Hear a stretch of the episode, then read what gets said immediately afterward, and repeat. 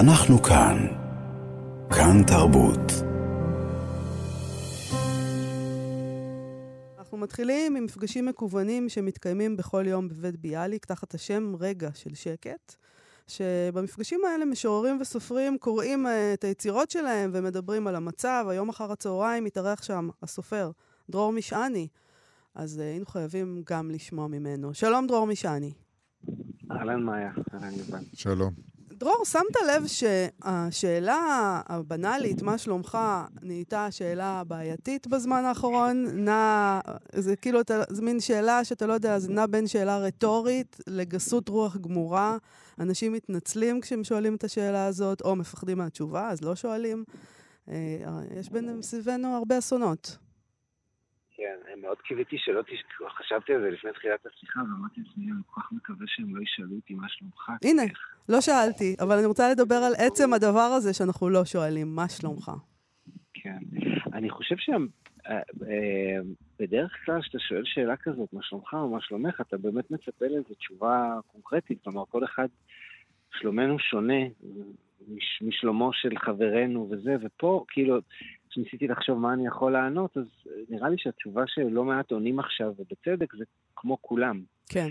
אה, ובמובן הזה, כן, נראה לי שיש לנו איזה... כולנו שלומנו משותף כרגע, ובגלל זה גם אין מה לענות, כי אנחנו יודע... כולנו יודעים מה שלומנו. אתה יודע, אני חושב על הספרים שלך, ובכלל על ספרות בלש וספרות אה, מתח, אה, שבבסיס שלה שואלת שאלות על הרוע האנושי.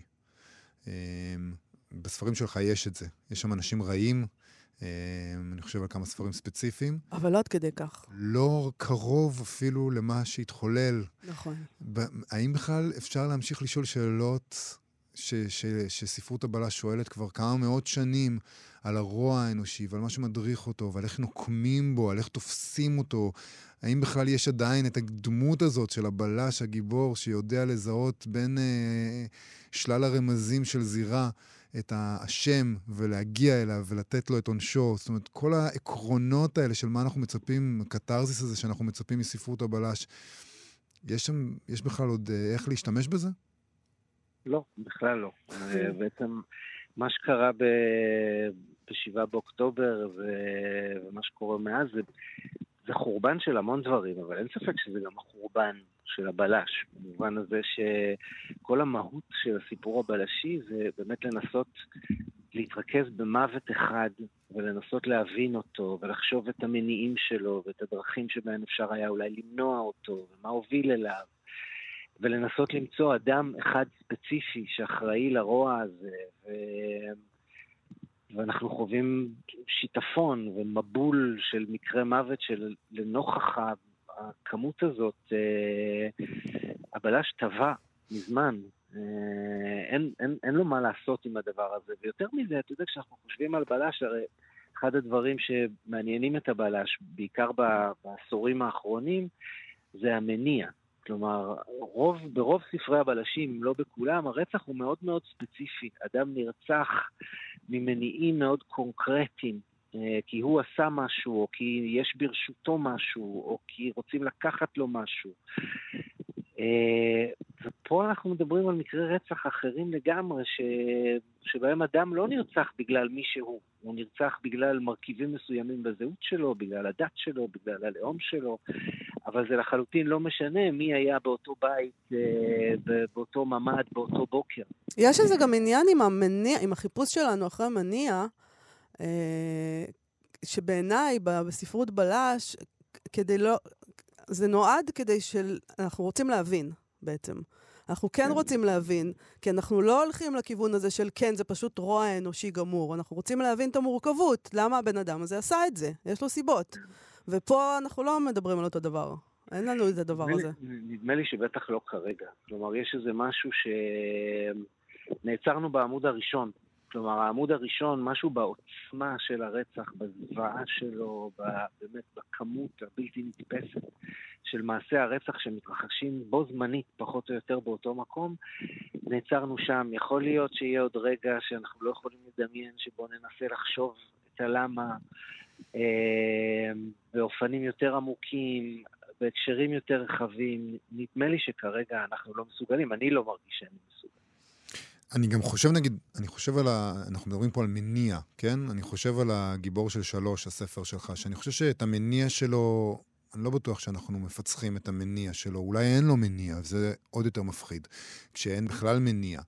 אבל אנחנו חושבים גם כן, אנחנו דיברנו, דיברנו על הבלש וזה, אבל שוב, אני רוצה לחזור אה, למשהו שדיברנו עליו בעקיפין אולי, וזה באמת הגבולות האלה של הרוע. כי, כי האיש, נגיד, האנשים שעושים את המעשים בספרי בלש, בספרים שלך, הם אנשים שאנחנו מגדירים אותם כרעים. אני, אנחנו, המעשים שהם עושים הם רעים, אבל אולי אנחנו גם כקוראים נשחקים לחלוטין, מה שאנחנו מגדירים כרוע, ומה שאתה תכתוב בספר הבא שלך ותגדיר אותו כרוע האולטימטיבי, הוא נתפס כבר כ... כ... איך בכלל ניתן להשוות את זה? זאת אומרת, גם הרע, לא רק, לא רק הבלש והפתרון והמניע והטוב שמנצח, אלא גם נקודת הפתיחה, גם העמוד הראשון התקלקל לנו, כי אנחנו, אין לנו יותר את הדבר הזה שאנחנו יכולים להגיד, או, oh, הנה, זה רע. לא, יש משהו שהוא הרבה יותר גרוע, שקרה באמת. נכון, ואני חושב שפה משהו בממדים של הרצח ובממדים של הרוע באמת גרם לי באופן אישי, אבל נראה לי ש... שלכולנו להתרחק מהבלש. הבלש, לא נכון, יש איזה, יש איזה פרדוקס אה, שסיפור הבלשי פרח הרבה מאוד פעמים דווקא בזמן מלחמה. אה, אורוול מספר אה, באחד המאמרים היפים שלו על סיפור הבלשי, חיילים בזמן מלחמת העולם הראשונה, אה, כשמסביבם אה, נהרגים אנשים, עשרות אלפי אנשים אה, יושבים וקוראים סיפור בלשי ועסוקים בה מי ביצע את המוות הספציפי הזה או האחר. מצד שני, אני מרגיש כרגע שהבלש כצורה ספרותית, כדרך לחשוב על העולם, אין לו תוקף כרגע. אין לו תוקף. השאלות שאנחנו שואלים, שאלות כל כך אחרות, אה, אני לא מצליח לקרוא שום דבר שדומה לזה אה, בכלל, ושלא לדבר כמובן על לכתוב. והטקסטים היחידים ש, שמצליחים להעניק לי משהו, אה, הם, הם טקסטים שעוסקים במלחמה, במובן הרחב, טקסטים אפיים כאלה, כמו שנדמה לי הרגע הזה שאנחנו נמצאים בו. יש משהו ספציפי? הרוע... יש איזה טקסט כן. ספציפי?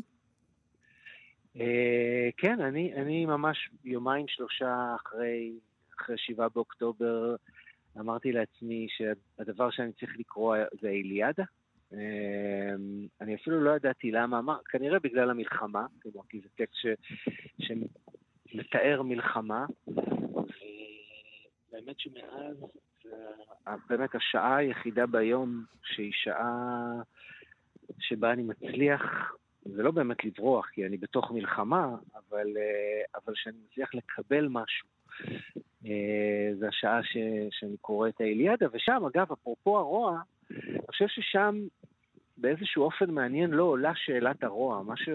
השאלה שעולה היא שאלת השרירותיות ושאלת הגורל. כלומר, אה, בדיוק קראתי אתמול או שלשום את אחד הפרקים שבהם זהוס מחליט בהטלת מטבע.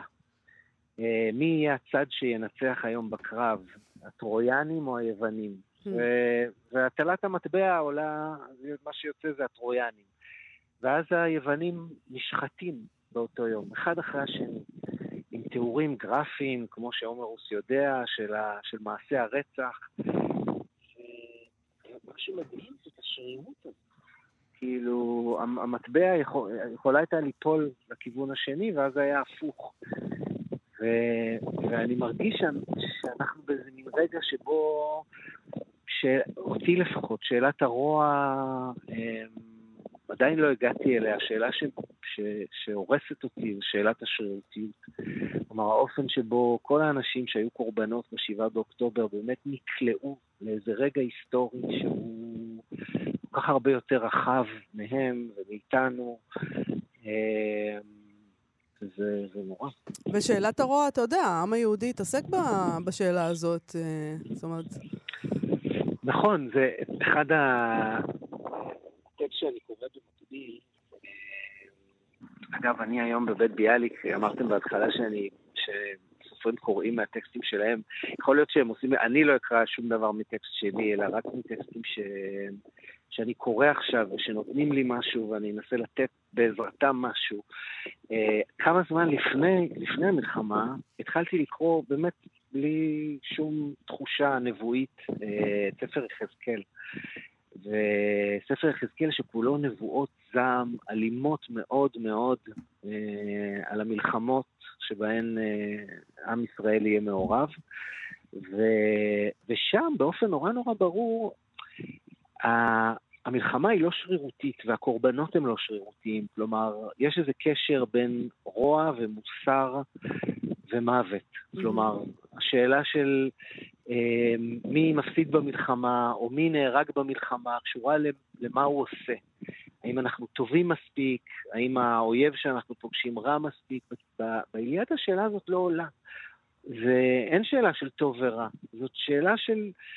זה הגורל. הגורל כופה עלינו מלחמות, והוא כופה כל פעם על צד אחר להיות, ב...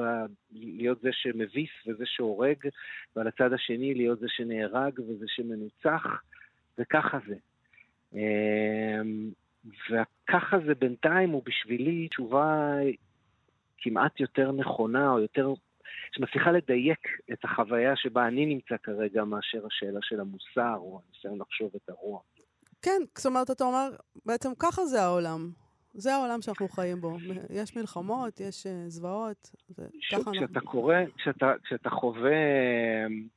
כשאתה חווה את, את המלחמה באופן כמו שאנחנו חווים אותה עכשיו, ובו זמנית קורא טקסטים אחרים, כמו נגיד האיליאדה, כמו ספר יחזקאל, אתה מבין שהחוויה שלנו לא יוצאת דופן, ושלאורך ההיסטוריה נדמה לי שרוב הדורות אה, חוו מלחמות כאלה.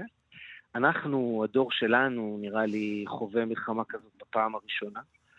אה, ו, וכן, ושאי אפשר להימלט מהגורל הזה.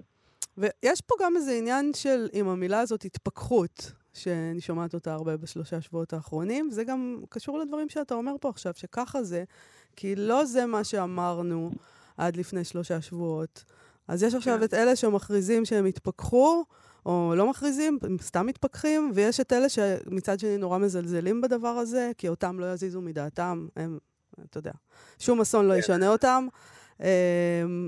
זה, הדבר הזה שאתה אומר, זה, זה התפכחות בעצם, להגיד ככה זה. נכון. נכון, אני, אני שם רגע בצד את ההתפכחות מהעניין המוסרי או מהעניין הפוליטי, ואני אפילו אדבר ב, לגבי הספרות. כלומר, היה כאן, היה כאן דור, הייתה כאן קבוצה של סופרים שאני שייך אליה, ש, שבאמת באמת האמינו שאפשר לכתוב סיפור פרטי, שאפשר, ש, שיכולים להיות לנו כאן חיים פרטיים, שהבית שלנו, הבית הפרטי הזה שבנינו ושכל אחד מאיתנו זה הבית שבו נחיה. ונדמה לי שהבתים הפרטיים האלה נחרבו. כמובן שהבתים הפרטיים, כלומר, יש את הבתים שנשרפו ממש בבארי ובכפר עזה ובשדרות, ו... אבל גם, גם הבתים שלנו אה, לא עומדים. כן. אה, נדמה לי הבתים של כל אחד ואחד מאיתנו. אה, אתם יודעים, אני, הספר הראשון שכתבתי, אה, קראו לו תיק נהדר. והוא, ויש בו סיפור של נער שנעלם.